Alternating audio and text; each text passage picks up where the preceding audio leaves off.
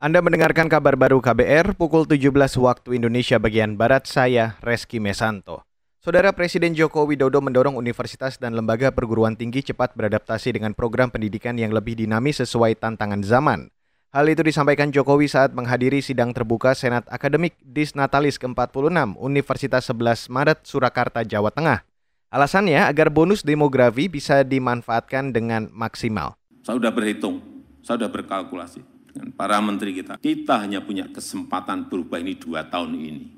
Karena muncul bonus demografinya nanti di 2030-2035. SDM digital, digital talent harus. Semua sekarang ini kejar-kejaran semua negara ke sini.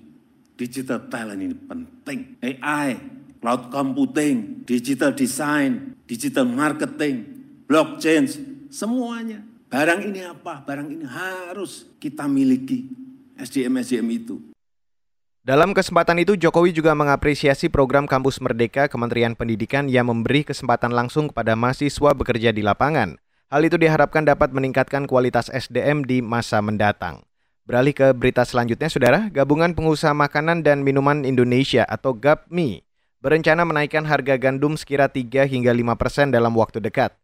Ketua Umum GAPMI Adi S. Lukman mengatakan hal itu dilakukan lantaran harga gandum dunia melonjak hingga 15 persen.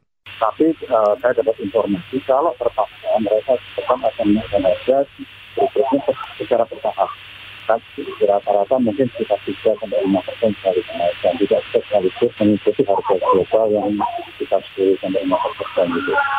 Itu belum tahu, masih menunggu potensi uh, karena kita masih perlu melihat situasi yang ada dan kita berharap peran tidak tidak lama sehingga kita bisa menyelesaikan peran tersebut dan harga tidak perlu dinaikkan Ketua Umum GAPMI Adi S. Lukman menegaskan, meski harga gandum naik, untuk saat ini industri makanan dan minuman tidak menaikkan harga di tingkat produsen.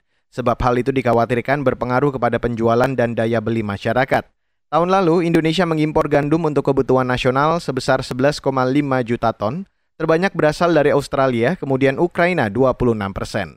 Saudara Presiden Amerika Serikat Joe Biden akan mencabut status Rusia sebagai negara yang paling disukai. Sumber pemerintahan Amerika Serikat menuturkan, langkah itu diambil Biden bersama negara anggota G7 dan Uni Eropa.